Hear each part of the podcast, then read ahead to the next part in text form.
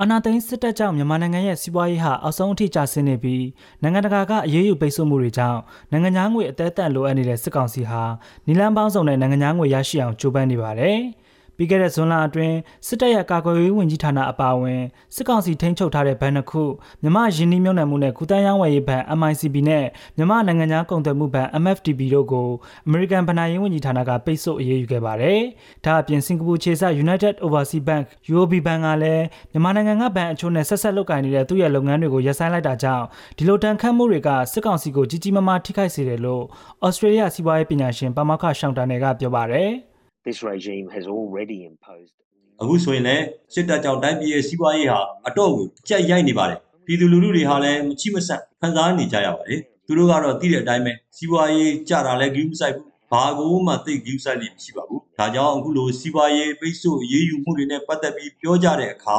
ဒီလိုပိတ်ဆို့မှုတွေဟာသူတို့ရဲ့စိတ်ကိုပြောင်းလဲလာအောင်လုပ်ဖို့အတွက်မဟုတ်ဘူးဆိုတာရှင်းရှင်းသိရပါမယ်။ဘာကြောင့်လဲဆိုတော့မြန်မာစစ်တပ်ကဘယ်တော့မှအဲ့ဒီလိုပြောင်းလဲလာမှာ မဟုတ်လို့ပါပဲ။မကြာသေးခင်ကစင်ကာပူနိုင်ငံကလှုပ်ချလိုက်တဲ့ကိစ္စစီအတော်လေးကောင်းပါပါတယ်ဒီလိုလှုပ်ဆောင်မှုကတကယ်ကိုထိရောက်ပါတယ်ဒီဘန်တွေကသူတို့အတွက်ဝန်ဆောင်မှုပေးမှာမဟုတ်တော့ပါဘူးသူတို့မှာဗန္နာရေးနဲ့ပတ်သက်တဲ့အရင်းမြစ်အချို့ပဲရှိပါတော့တယ်ဒါကြောင့်ပိတ်ဆို့မှုကအတော်လေးထိရောက်ပါတယ်ဒီလိုပဲလုပ်ရမယ်လို့ထင်ပါတယ်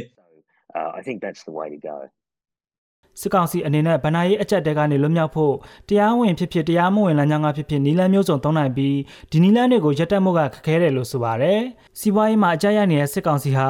MIR Payment System လို့ခေါ်တဲ့ရုရှားငွေပေးချေမှုစနစ်ကိုအသုံးချဖို့ကြိုးစားနေပြီးရုရှားကိုယ်တိုင်ကအပေခံဖြစ်နေတဲ့အတွက်မြန်မာစီးပွားရေးကိုရုရှားလည်းမကယ်တင်နိုင်ဘူးလို့ရှောင်းတာနယ်ကပြောပါတယ်။ No ရုရှားရဲ့ MIR စနစ်ကိုသုံးဖို့ကြိုးစားနေတယ်ဆိုတာကလည်းသူတို့ဘလောက်အကျက်စိုက်နေတယ်လဲဆိုတာသိနိုင်ပါတယ်တကယ်တော့ရုရှားရဲ့စီးပွားရေးကတိတိလေးပါအီတလီတက်တောင်ငယ်ပါသေးတယ်ဒါကြောင့်စစ်ကောင်စီရုရှားနဲ့ပေါင်းတယ်ဆိုပြီးရုရှားကသူတို့ကိုစီးပွားရေးရမကယ်တင်နိုင်ပါဘူးရုရှားကိုယ်တိုင်ကအားလုံးနဲ့အဆက်ဖြတ်ခံရရတယ်လို့ဖြစ်နေတာပါရုရှားကိုယ်တိုင်ကမင်းအွန်လိုင်းလိုပဲအပေခံပါသူ့အတွက်အနာဂတ်မရှိပါဘူးဒါကသူတို့ဘလောက်ဒုက္ခရောက်နေတယ်ဆိုတာပြသလိုက်ခြင်းတစ်မျိုးပါပဲ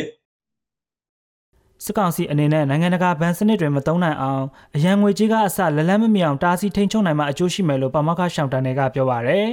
နိုင်ငံတော်အတိုင်ပင်ခံပုဂ္ဂိုလ်ဒေါန်ဆန်းစုကြည်ရဲ့စီးပွားရေးကြံပေးဖြစ်တဲ့ဩစတြေးလျနိုင်ငံသားပါမခရှောင်းတန်နဲ့ဟာမြန်မာနိုင်ငံမှာ2021ခုနှစ်ဖေဖော်ဝါရီလရက်နေ့စစ်တပ်အာဏာသိမ်းပြီးနောက်ဖမ်းဆီးအကျဉ်းချခံရတဲ့နိုင်ငံရေးအကျဉ်းသားတွေထဲမှာတယောက်အပါဝင်ဖြစ်ပါတယ်။ ဗမာခရှောင်းတန်တွေကိုစစ်တပ်ကဘာအပြစ်မှမရှိပဲဖမ်းဆီးထောင်ဒဏ်ချမှတ်ခဲ့လို့